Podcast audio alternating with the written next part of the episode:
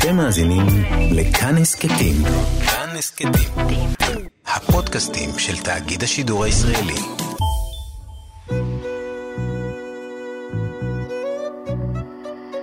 ליסה פרץ משוחחת. שלום לכם, מאזיני כאן תרבות, באולפן ליסה פרץ, ואני משוחחת עם אנשי ונשות תרבות על החיים והיצירה. עורכת התוכנית ענת שרון בלייס, והיום האורחת שלי היא דוקטור אורלי דביר, סופרת ילדים, מומחית לטיפול בילדים ובני נוער, וחוקרת את הטיפול הנרטיבי בעולמם של ילדים. בימים אלה יצא ספרה השני, ספר הילדים השני שלה, רק לי זה קורה. קדם לו לפני כן ספר ילדים ראשון שהיא כתבה, בשם שלוש הנסיכות והאיש הנדיר, שעסק במשפחה חדשה, נכון? כן. אימהות ואבות שבנו בתים שלא מבוססים על אב ואם בסטנדרטים המקובלים, אלא צורות חיים שונות. במקרה הזה זה אב שבוחר להביא ילדים באמצעות פונדקאות. אבל נתחיל דווקא בספר השני שלך, ב"רק לי זה קורה". סימן שאלה.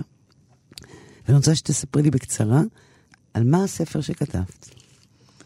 הספר שכתבתי הוא ספר בעצם על סצנות בחיים של ילדים, שהם מאוד מתלבטים מה לעשות, הם לא מוצאים מענה, ואחת מהאפשרויות שאני מציעה זה להזמין את הילדים למרחב הטיפולי, למטפל או מטפלת באומנות. אוקיי, אז זה הספר החדש שלך. כן. אוקיי. אמ, בדידות כחוויה מכוננת בחיי ילדים, את מכירה את זה באופן אישי? אה, אני חושבת ש... לא כמטפלת, כילדה, אם זכור. אני חושבת שבזיכרונות של ילדות תמיד יש חוויה, וגם לי, אם אני יכולה לחשוב, של הרבה מאוד מחשבות, לבד, שאולי אף אחד לא יודע מה קורה, שאולי ההורים לא יודעים מה לעשות. אולי שם בעצם היו הזרעים הראשונים של הכתיבה שלי. ולמה החלטת להתמודד דווקא עם החוויה הזאת בחיי ילדים, של הבדידות? אני חושבת שהספר עוסק גם בבדידות, אבל הוא עוסק גם בקנאת אחים, הוא עוסק בתחרות, בחיפוש אחרי חברויות, הוא עוסק בהתנהגות אימפולסיבית של ילדים, הוא עוסק בתחושה של אה, אה, סיוטי לילה שיש לילדים, מעבר בין היום ללילה. אוקיי, okay, ואת כל הדברים האלה בעצם את מביאה באיזשהו ניסיון מאוד עשיר כמטפלת בילדים, נכון? כן. והניסיון הזה מהדהד ב- ב- בספר השני בוודאי. הספר הראשון נשען יותר על חוויות מוכרות לך מתוך משפחה, שגם אליהם נגיע, אבל הספר השני בא מתוך עבודה עם הילדים. הספר השני בא בהשראה מאוד חזקה וישירה של חדר הטיפול, אבל אני יכולה להגיד שבאופן מאוד מעניין, היא באה לי מהשיח עם ההורים. אני, כל ילד שמגיע לטיפול, חלק מההסכם זה ברית טיפולית עם ההורים והדרכת הורים בהתאם לצורך, אבל לפחות פעם בחודש. אוקיי. Okay. וכשההורים באים ומאוד מודאגים ממצבו של הילד שלהם, מגיע שלב, כמעט עם כל זוג הורים זה קורה, או הורה יחידני, אז איך אני מספר לילד על הטיפול, מה אני אומר לו? וזה מעניין, כי שמעתי את זה גם מקולגות, אבל אני פגשתי את זה באופן ישיר, את, ה, את הסימבול של מוסך. בדרך כלל או האבא או האמא אומרים, נגיד לו שזה כמו מוסך, מתקנים והוא יחזור והכל יהיה בסדר. או שהאמא יכולה לומר, אה, יכול להיות שזה חוג, חוג אישי, אחד על אחד. ויש כאן בספר איזה משפט כזה שאומר, זה לא חוג ולא שיעור חופשי, זה מפגש אישי של טיפול רגשי. אומרת, איך באמת מספרים לילד, שזה לא דבר זמין לו כל כך, מה זה טיפול רגשי? כחוויית אה, מטפלת, לפני חוויית uh, סופרת ילדים, כבר אפשר לכנות אותך, כן? ספר שני, אולי זה כבר סופרת, כן? זה נכנס, בש... של... נכנס בשערי הספרות ילדים, אבל כמטפלת, איזה, עם איזה מוצ... אה, מועקות או מצוקות את מזהה שילדים מגיעים אלייך במיוחד? מה, מה הדברים המז'ורים שמעסיקים אותם? אה, אני יכולה להגיד שמשלבים, מנושאים שהם יחסית נראים ניטרלים, כמו הולדת אח נוסף, כמו מעברים של דירות, או ילדים שחוזרים מרילוקיישן וקשה להם להתאקלם, אה, התמקמות חברתית, ועד באמת לא מעט ילדים שהורים נפרדו, והם מרגישים כפל נאמנויות מאוד מאוד חזק וחרדה מאוד מאוד גדולה. בכלל חושבת שחרדה זה אחד הנושאים המאוד מאוד מכוננים שמעסיקים הרבה מאוד ילדים. תחושת השתייכות, אה, כמה אני שייך לקבוצה, לכיתה, לקבוצת וואטסאפ, ל- ל- ל- לשכונה החדשה שעברתי, שזה נושא שהוא משמעותי לילדים, נושא של שייכות. אז אמרתי חרדה, שייכות, ואני חושבת שגם דבר שהוא מאוד מאוד משמעותי זה מקום במשפחה. כמה אני מרגיש אהוב, מוערך, מתפעלים ממני. מספיק שיש אח אחד מאוד מוכשר, זה כבר עושה איזושהי חוויה של טלטלה של התמקמות. אה, אלה דברים ככה מאוד מרכזיים. ובציר המקביל, מה מעסיק הורים? מה, מה אותם, מה העולם הרגשי שלהם אה, מפעיל אותם? מה, מה שם מטריד אותם? אני חושבת שקודם כל, הרבה פעמים אני שומעת מהורים את המילה בונקר. שהם לא מבינים מה עובר על הילד שלהם, הוא לא משתף אותם, הם מאוד מודאגים, אולי קורים דברים, אה, שזה דבר שהרבה מאפיין ילדים מתבגרים, אבל גם ילדים צעירים שלא תמיד רוצים לספר להורים. אז זה מאוד מאוד מעסיק אותם. לא מעט הורים אומרים לי, אני רוצה להיות זבוב אצלך בחדר. רק לראות שהילד שלי באמת מדבר ומספר לך, ו... אז זה דבר אחד שמעסיק.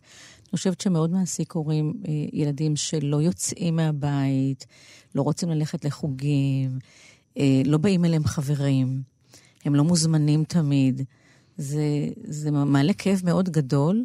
אצל חלק מההורים זה אפילו מהדהד לילדות שלהם. שלהם עצמם, כן, נכון? כן. ובמה יותר קל לך לטפל, בהורים או בילדים?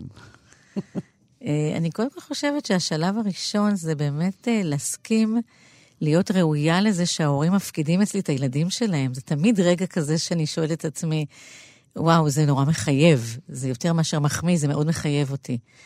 אז זה כאילו באמת איך אני, איך אני עושה את ה joining עם ההורים. ולגבי הילדים, אה, אני חושבת שזה פשוט עולם פנטזיומטי מרהיב. ל- לראות איך ילדים חווים את העולם, איך הם משחקים אותו, יוצרים אותו. ילדים שיכולים להגיד לי, אני יכול להישאר פה לישון עד הפעם הבאה שלך? וזה לא מרמז על בעיה?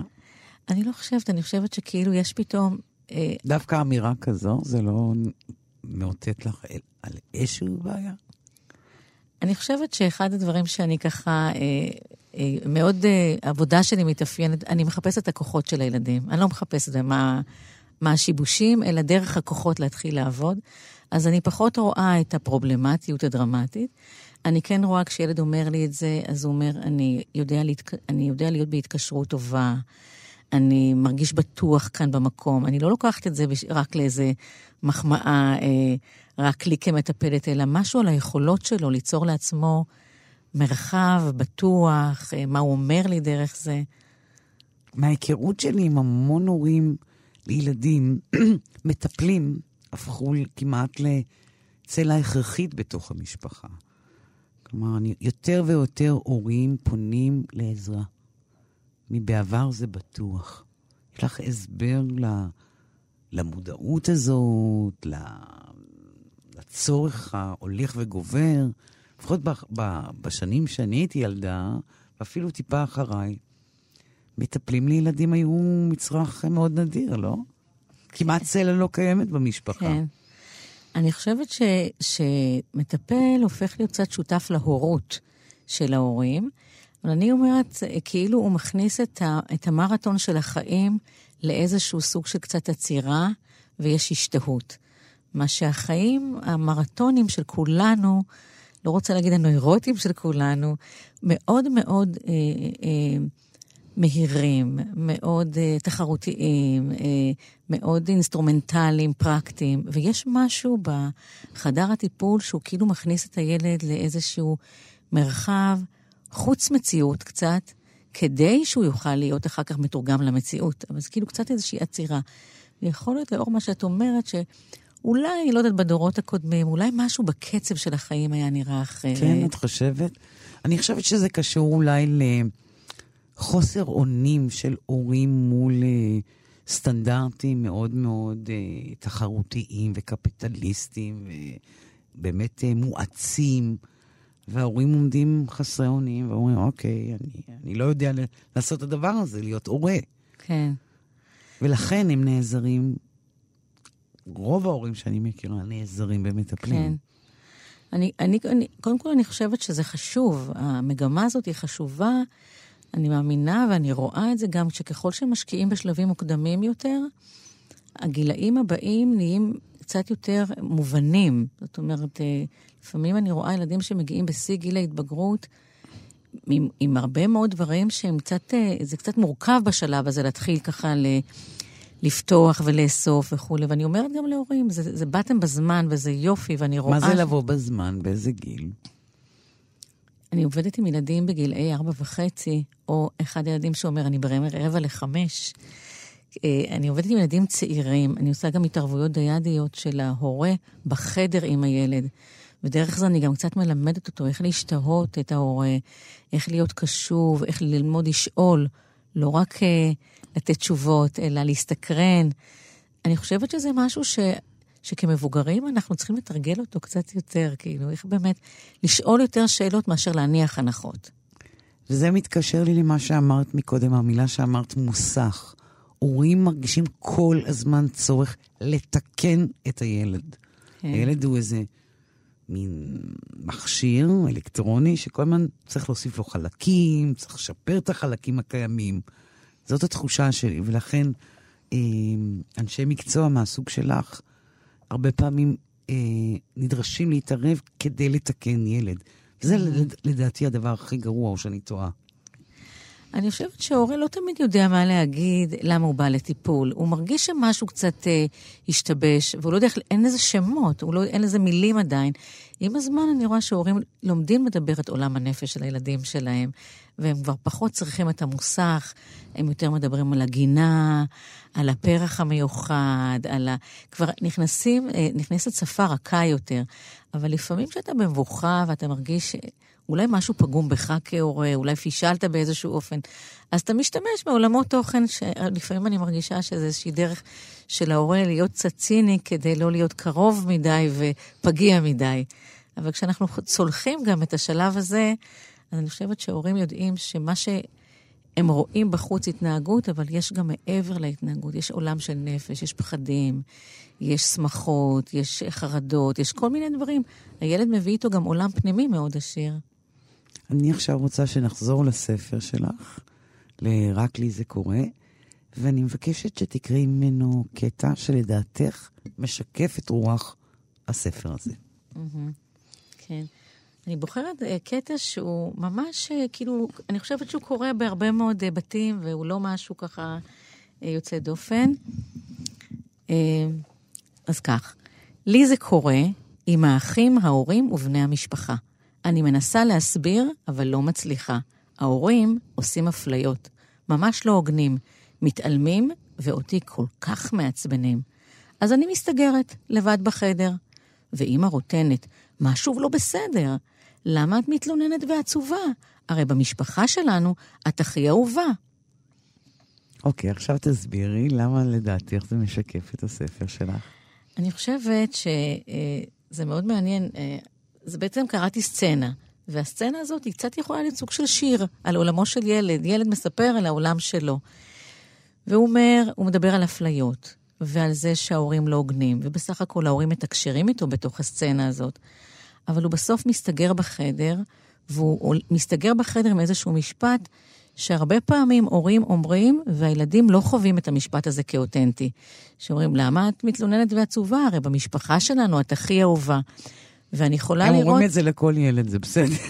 אני יכולה לראות את הילדה מעפעפת ואומרת, טוב, שמעתי, שמעתי, כאילו.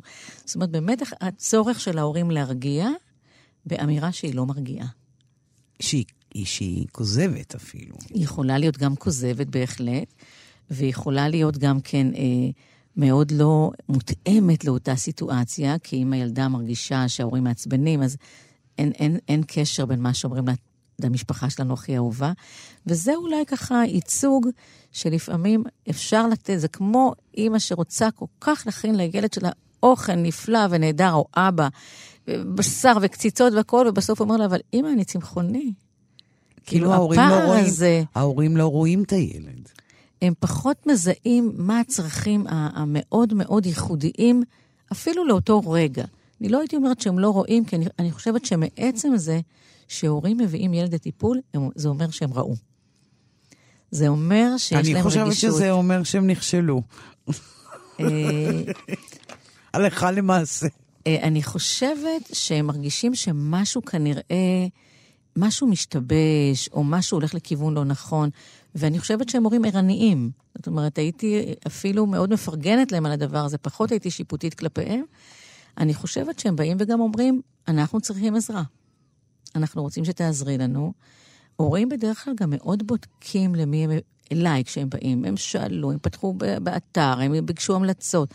כאילו, אני רואה מקום מאוד מאוד אחראי, הור, אה, הורות אחראית, להביא ילד לטיפול.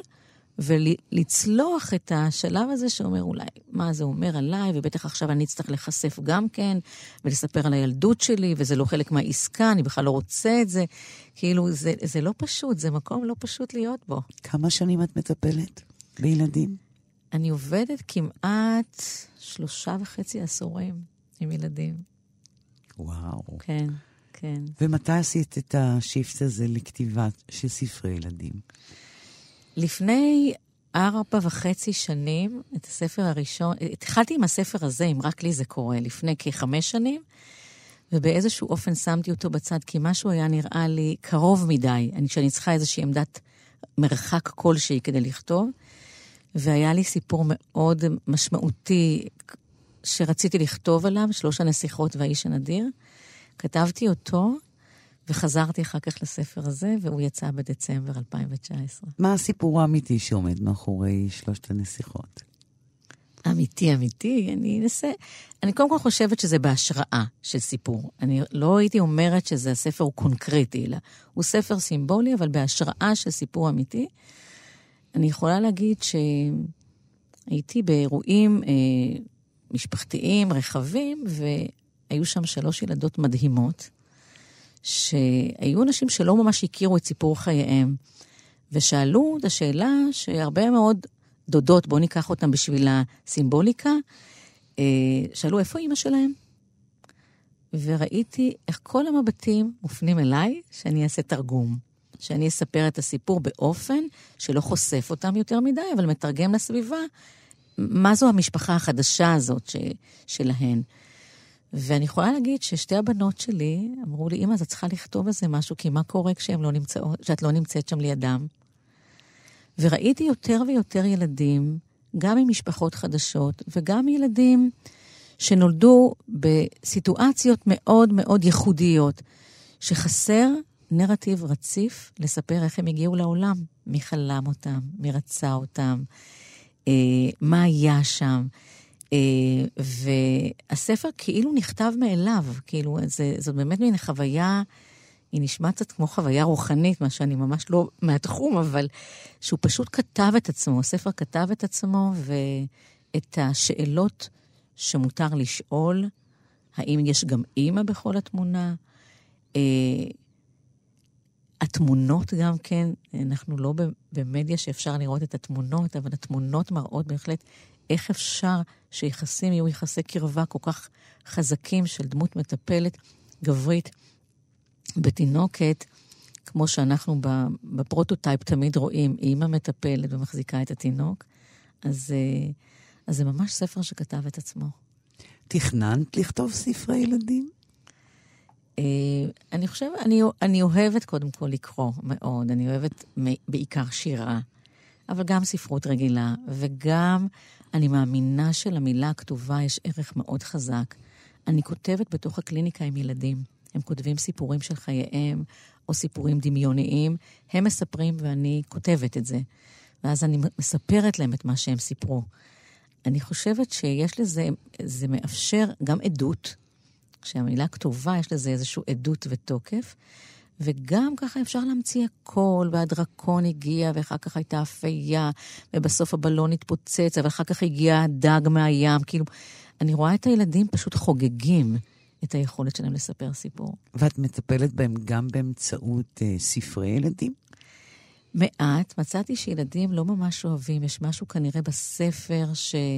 שחלק מספרות הילדים היא קצת ספרות מטיפה, אם אני יכולה לקרוא לזה מחנכת, אבל יש למשל ספרים שיש בהם הרבה מאוד אה, אה, תמונות, איורים, שילדים מאוד אוהבים להתחבר, ומשם אנחנו עושים למשל את הציור שלהם, ציור מתכתב עם ציור, כאילו, במידת האפשר משהו שהוא לא מצמצם לסיפור קונקרטי עם סוף קונקרטי. כלומר, דווקא הילדים הם אלה שמזהים בספרות ילדים איזושהי מוסרנות או מטיפנות כזו? אני, אני חושבת. כן, אני את מזהה חושבת, את זה שככה הם כן, מזהים את זה? כן. Uh, ואני חושבת שלמשל, גם בספר הראשון וגם בספר השני שלי, זה ספרים שכתובים במקצבים של חרוזים, קצרים. אפשר לקרוא רק עמוד אחד, לא חייב לקרוא את כל הספר. זאת אומרת, יש משהו שאתה לא חייב להגיע לאיזשהו פואנטה בסוף, למרות שבשני הספרים יש בסוף איזושהי אריזה ואיסוף של משהו, אבל אתה יכול פשוט לפתוח איפה שבא לך ולקרוא עוד דמות שאתה מזדהה איתה. ולקרוא. אני דווקא ד- דיברתי על ספרות ילדים שהיא לא הספרים שלך, כן, אלא כן, אחרים. כמו כן. ילדים, כשהם מזהים אה, צדקנות, מטיפנות וכאלה, הם נרתעים מזה. בהחלט. אני חושבת שספרי ילדים, זה צריך לבד- ל- למצוא ו- ולבחור אותם במשורה כששמים אותם בקליניקה. כן? זה לא דבר שהוא רגיל. אני כן יכולה להגיד שלפעמים יש ילדים שבמקום רגשי הם מבקשים לשבת, יש לי מזרון קטן כזה בקליניקה עם כריות, הם רוצים לשבת ושאני אספר להם סיפור. וזה קצת אה, לאיזוש- לשחזר איזושהי חוויה ילדית מאוד מאוד קמאית, מוקדמת, עם דמות הורית שמספרת, או שאני אקרא שורה והוא יקרא שורה, כאילו הילד או הילדה. זאת אומרת, זה אה, איזשהו מרחב שקצת מדמה יחסים של הורים וילדים. ליסה פרץ משוחחת. איתי באולפן דוקטור אורלי דביר. זה כל השיחה הזאת, זה רק הקדמה כדי להבין מה הרקע שלך. איזה מין ילדה, לאיזה משפחה את נולדת? אוקיי. אה, גדלתי לזוג הורים אה, בחדרה, נולדתי בחדרה. אנחנו במשפחה שישה ילדים, וההורים שלי היו הורים אומנים לעוד שני ילדים, ממש אה, לאורך שנים. אה, אבא מאוד יצירתי, שהמילה הכתובה הייתה מאוד חשובה לו. אה, אדם דתי, דתי-לאומי, שניטשה ו- וטגור היו ליד הרמב"ם וליד הרב קוק. באותה, באותו מדף חיו בשלום ביחד. כן. אני חושבת שמהמקום הזה, אה, גם לי היה ככה סקרנות באמת לאינסופיות של השפות, כאילו שזה ככה מאוד אה, משמעותי, וזה מאוד מעניין, ואימא שלי אהבה מאוד לשיר.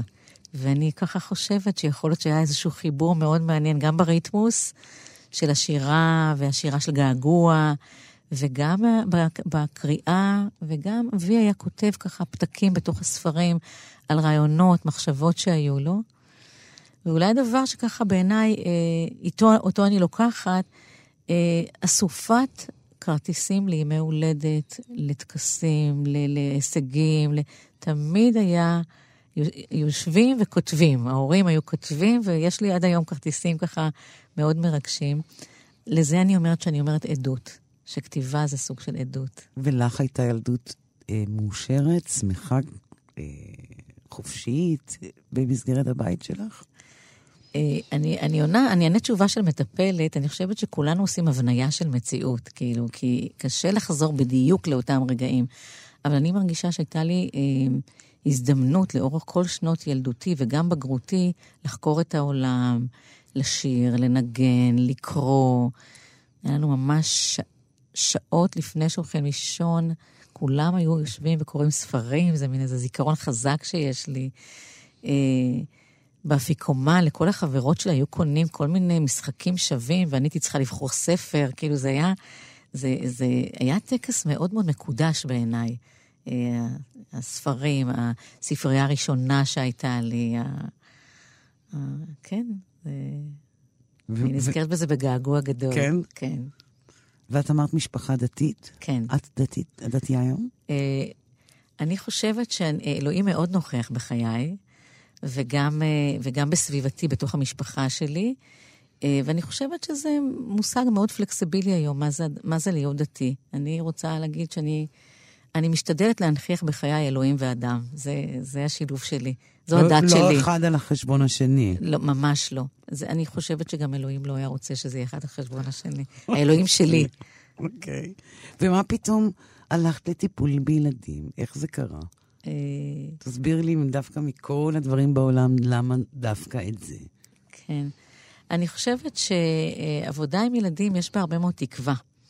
אבל אני, אני אתאר אה, זיכרון שיש לי כמטפלת. עבדתי עם אה, בחור שהוא היה מכור לאל, לאלכוהול, איש שייטת מאוד מפורסם, ועשיתי עבודה משותפת שלו עם הבת שלו, בת ה-15, וכשאני שאלתי אותה, מה היית הכי רוצה מאבא שלך? כי בילדות הוא לא היה ממש נוכח.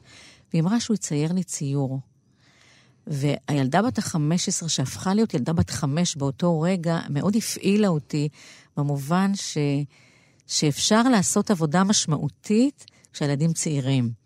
זה קצת כמו שבאשת אמר, כל עוד שהנר דולק אפשר לתקן. זאת החוויה שלי. ואני אומרת, זה, זה, זה השלבים, כאילו, שאפשר עוד לעשות שם, ללטש, ל, לפתוח, ל... לא רוצה להגיד לרפא, כי זה נשמע לי קצת... אה, ניו אייג'י. אה, יומרני, אבל אני אומרת בהחלט ל- לתמוך, לעצב, ל- לפתוח, ל... זה היה הרגע שהחלטת שאת הולכת לטפל בילדים? ואז הלכתי ללמוד טיפול באומנויות בבוסטון, בלסלי אוניברסיטי, אז היה לסלי קולג', ומשם זה פשוט היה... אני חושבת שהילדים חיפשו אותי בכל מקום שהייתי באה למשפחה או לאירוע, תמיד היו סביבי ילדים, והבנתי שכנראה יש משהו ב... כי מה היה התכנון המקורי שלך בכלל? למדתי, אני, המומחיות שלי זה בעבודה עם טראומה. אני עובדת עם שכול, עם אובדן, עם אה, ניתוקים, עם, אה, עם כל מה שקשור בעולמות של טראומה, וגם טראומה של מטפלים.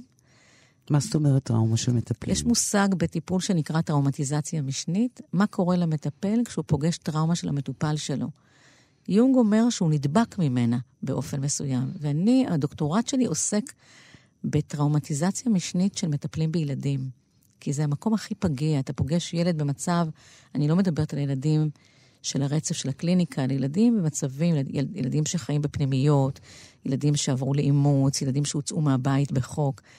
ומשהו קורה לך כמטפל, אתה, אתה נחדר על ידי החוויות האלה. וזה בעצם, זאת העבודה, עבודת המחקר הגדולה שלי.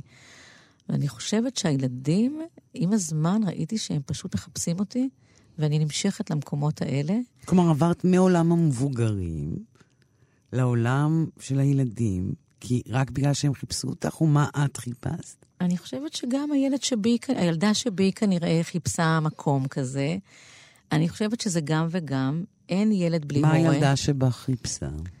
את, ה, את המשך היצירתיות, את השמחה, שמחת חיים. אני חושבת שככל שאנחנו מתבגרים, זה קצת מצטמצם, השמחה מצטמצמת לטובת הכובד אה, רצינות ו, ומשקל אה, ככה מאוד מאוד דעתני. ואני חושבת גם שזה גם לעבוד עם ההורים. אני עובדת גם עם מבוגרים, אני לא עובדת רק עם ילדים, אבל אני חושבת שהילדים זה, זה האי, זה האי החשוב שאני ככה מאוד... אה, מאוד מתרגשת ממנו, מאוד מרגישה שהוא חיוני, שהוא מאוד מרכזי בתוך העשייה שלי. איך את מזהה אה, טיפול מוצלח? בפיצוח, בהתרה, במהלך גדול, מהלך קטן? אה, אני חושבת ש... איך אמר אלמוג בהר, אדם פודה נפשו במעשים קטנים. כאילו, אני לא הולכת לדברים הדרמטיים, אבל אני יכולה לראות ג'סטות, כמו שילד יכול להגיד, את יודעת, כשהייתי במסיבה השבוע, חשבתי על מה שאמרת לי. כאילו, אם הוא מצליח לקחת משהו שמתוך חדר הטיפול החוצה, בעיניי זו התפתחות מאוד משמעותית. אני חושבת שכשילד אומר לי, אולי אני צריך להפסיק לבוא אלייך. זה בעיניי דבר מאוד משמעותי. אני חושבת שטיפול זה לא לכל החיים. הייתי מאוד שמחה שילדים ירגישו שהם יכולים גם בלעדיי. אני יכולה להגיד, אני לפני כמה חודשים קיבלתי תמונה בוואטסאפ אימא שהילד שלה היה אצלי בין משבע עד תשע, בסוף, בסוף מסע טירונות, היא שלחה לי תמונה שלו ואמרה לי, דש מכולנו. ואמרתי, זה מעניין, מטפל זה שאתה יכול ללכת קצת איתו גם כשאתה כבר לא איתו, כאילו. זה, זה, ו- זה וזאת הייתה מרגש. התחושה שלך? כן. שאני, okay. אוקיי. שמחה שאני יכולה להיות איתם, גם כשהם כבר לא פיזית נמצאים בתוך הטיפול. בעולם הנוכחי, הדיגיטלי המואץ, איזה מין השפעה את רואה את זה על ילדים? אני קודם כל חושבת, אין כמעט ילד שלא נכנס אליי לחדר עם פלאפון. עם, ו... עם הראש בתוך הפלאפון? עם, לפעמים עם הראש בפלאפון. לוקח זמן, ואז אומרים, טוב, טוב, אני מכבה. כבר יודעים שבמרחב הזה זה, זה מקום שלא... את אומרת שבמרחב הזה, את אומרת להם פה בלי טלפון? אני כמעט ולא צריכה להגיד את זה. עם הזמן, משהו ב, בנוכחות, באינטימיות, בקשר, מכבה את זה. מכבה את זה. אני חושבת שילדים, מאוד חשוב להם שאני אהיה שותפה לעולם שלהם, הם מראים לי קבוצות, תמונה, סרטון, אה, איך הוא ניגן בפסנתר, או איך הוא היה אה, צילום של תעודה שלו. זאת אומרת, יש משהו בדבר הזה שבעיניי הוא חלק מהחיים שלהם. כאילו, אני... אני את ב... לא רואה בזה משהו שלילי? בנוכחות? אני לא פוגשת את זה במקומות הדחוסים, האינטנסיביים, אבל אני כן יכולה לראות האם זה מנתק אותו מה, מהמציאות, ואז הוא בנה לעצמו מציאות וירטואלית. את זה אני יכולה ככה קצת להרגיש וגם לשאול אותו. כאילו, האם אתה תמיד נמצא בסרטונים? אתה, אתה, באיזה קבוצות וואטסאפ אתה נמצא?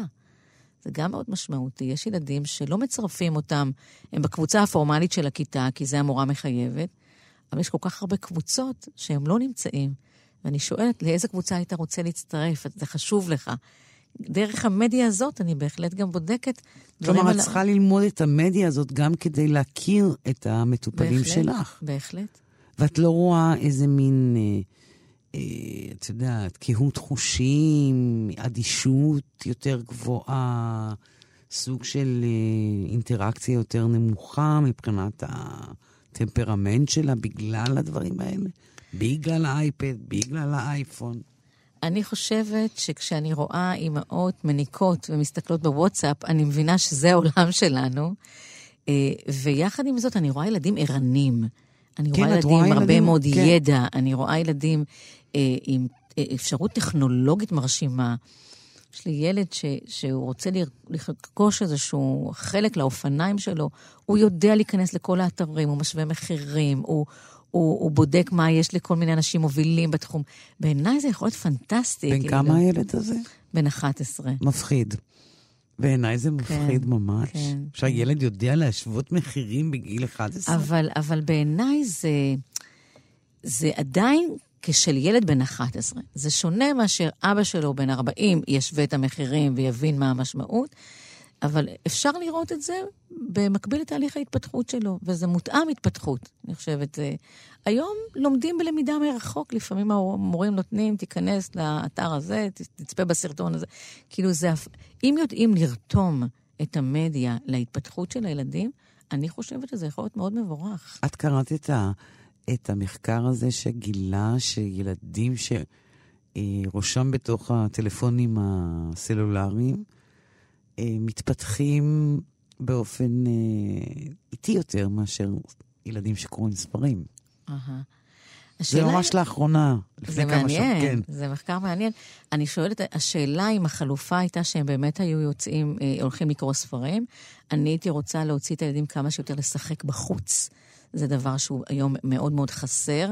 משחקים באקסבוקס, לא משחקים בה בחוץ, ואני מאוד מעודדת את ההורים גם לצאת יותר לטיולי טבע, שאבא או אימא תצא עם הילד לשחק בחוץ, אם זה כדורסל, כדורי, דברים שהוא אוהב. זה דבר שחסר מאוד. החוץ כבר כמעט שלא קיים, לא, נכון? לא, החוץ הוא, הוא הופך להיות מציאות מדומה, כאילו. אבל אני טוענת בעצם, אם יש ילד שקורא באייפד ספרים, אז בעצם כיסינו פה את שני הדברים, לא? שכותב וואטסאפים, זה כבר כתיבה, אני אומרת, באמת? זה נפלא. זה כתיבה, היום חלק מהילדים פשוט מקליטים. זה, זה מדלג על השלב של לכתוב את ההודעה. כאילו, ואני אומרת, אם הוא כותב, ויש לו ספלר שמתקן את הטעויות שלו, אני אומרת, וואו, איזה דבר נפלא זה. באמת? כן. כלומר, את מסתפקת בוואטסאפ? לא, אני לא חושבת שזה במקום קריאה, אבל אני, אני חושבת שילד הוא גם בבואה של, של אה, חיי משפחה וסביבה.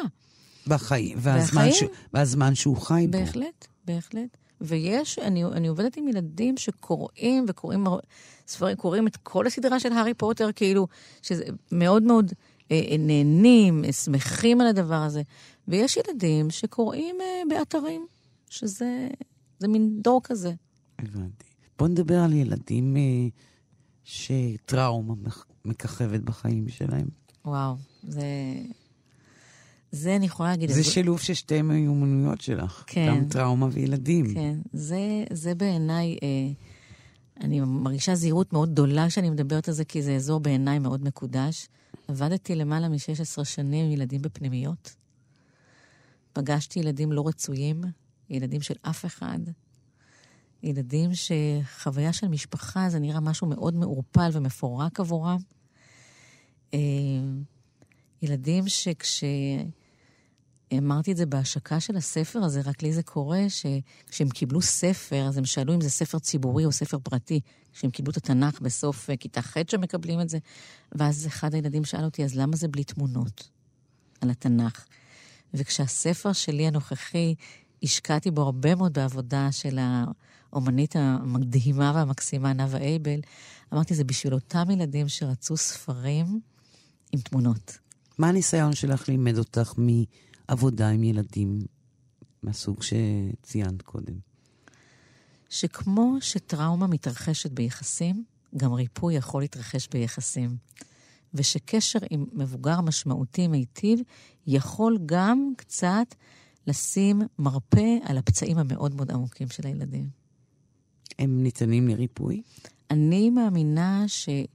שאפשר אצל חלק גדול מהילדים ליצור חוויות של תקווה, ליצור חוויות של שינוי, להשפיע על הבחירות שלהם בעתיד. ואני יודעת גם להגיד שפגשתי לא מעט ילדים שההתפתחות שלהם, אה, למרות המושקעות המאוד גדולה של צוותים בהם, הלכה למקומות מאוד הרסניים, כי אלה המקומות, הקשרים שהם כנראה הכירו בחוויות המאוד מוקדמות של החיים שלהם.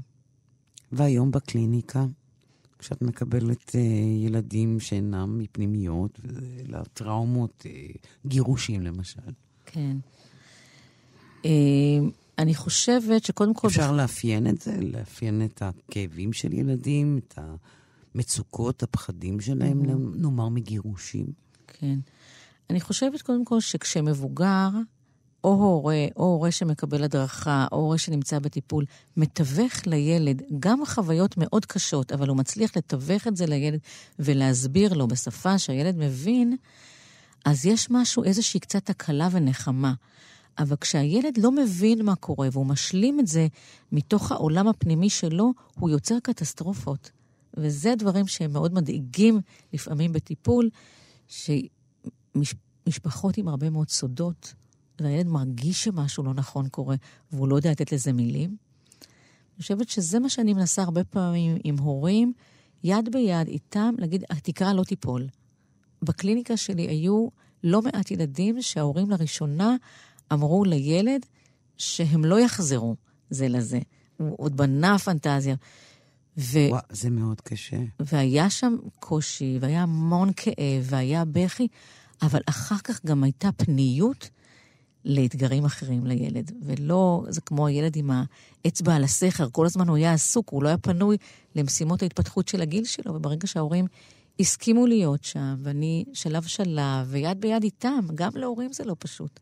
לפעמים אולי בנוכחות של אדם זר, כביכול כמו מטפל, אולי יותר קל אפילו לומר לילד את הדבר הזה, מאשר להושיב אותו בבית באחד מול השני ולומר לו את כן. זה. אולי צריך את המתווך הזה. כן.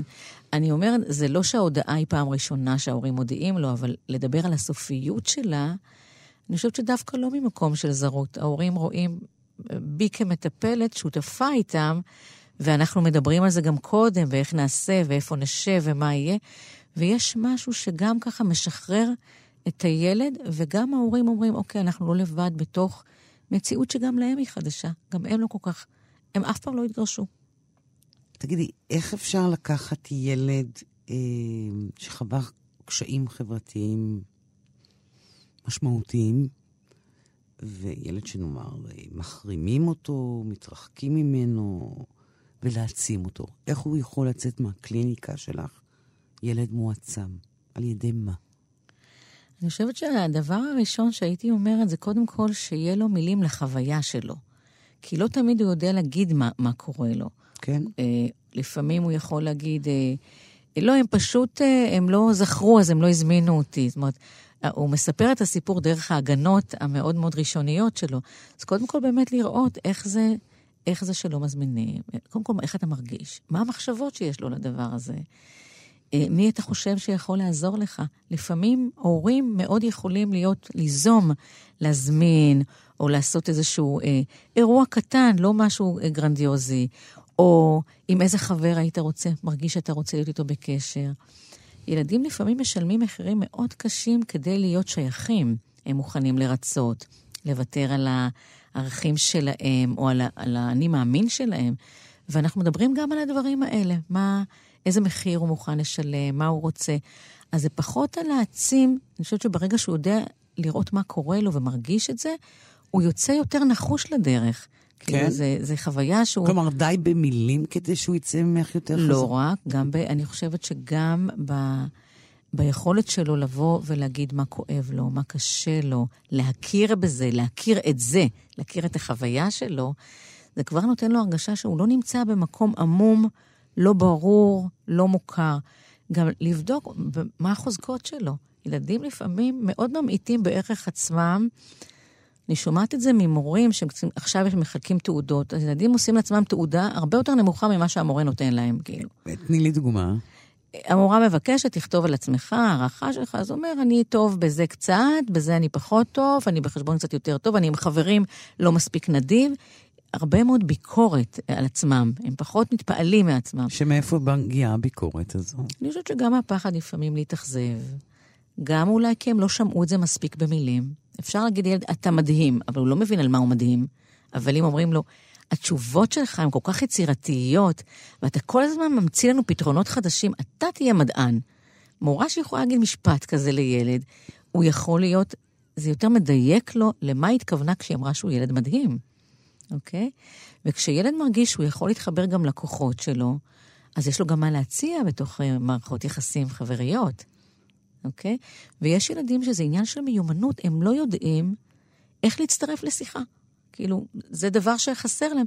וזה מסוג הדברים שאנחנו עושים סימולציות בקליניקה. אנחנו יכולים ככה, אה, אה, דרך, אה, אני עובדת הרבה מאוד עם ארגז חול ועם מיניאטורות. מה העולם הדמיוני שלך?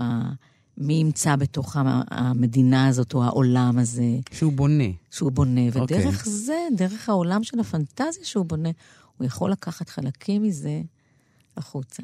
סליחה על ה... שאלה אחרונה וקצת אה, כוללנית, שלא לומר על בואכה פשטנית. יש ילדים שהם לא, שאי אפשר לתקן אותם? אפרופו תחילת אה. השיחה שלנו. אני חושבת שהבחירה שלי להיות מטפלת, אני מטפלת, אני מלמדת מטפלים, מדריכה, אני מנהלת מחלקה לשירותים חברתיים בזיכרון. כל זה לא הייתי עושה אם לא הייתי מאמינה שאפשר לעשות שינוי לכל אדם. לכל אדם? כן. וואו. את אדם מאוד אופטימי. אני, אני מרגישה ש... או שזה על סמך... אה, אין דרך אחרת. ניסיון עבר שלך. אין ש... דרך אחרת. האופטימיות היא, היא קודם כל להאמין באדם, להאמין ברוח שלו, להאמין בהזדמנויות שאפשר לתת לו. כן, אני מוכנה לקבל את ההאשמה שאני אדם אופטימי. אז עם זה נסיים. עם האופטימיות. שלך. תודה לך, ליסה. תודה, אורלי. עד כאן השיחה עם המומחית לטיפול בילדים והסופרת ילדים, אורלי דביר. באולפן ליסה פרץ, עורכת התוכנית ענת שרון בלייס. אפשר להזין לתוכנית הזאת ולאחרות גם ביישומון כאן. תודה לכם ולהתראות.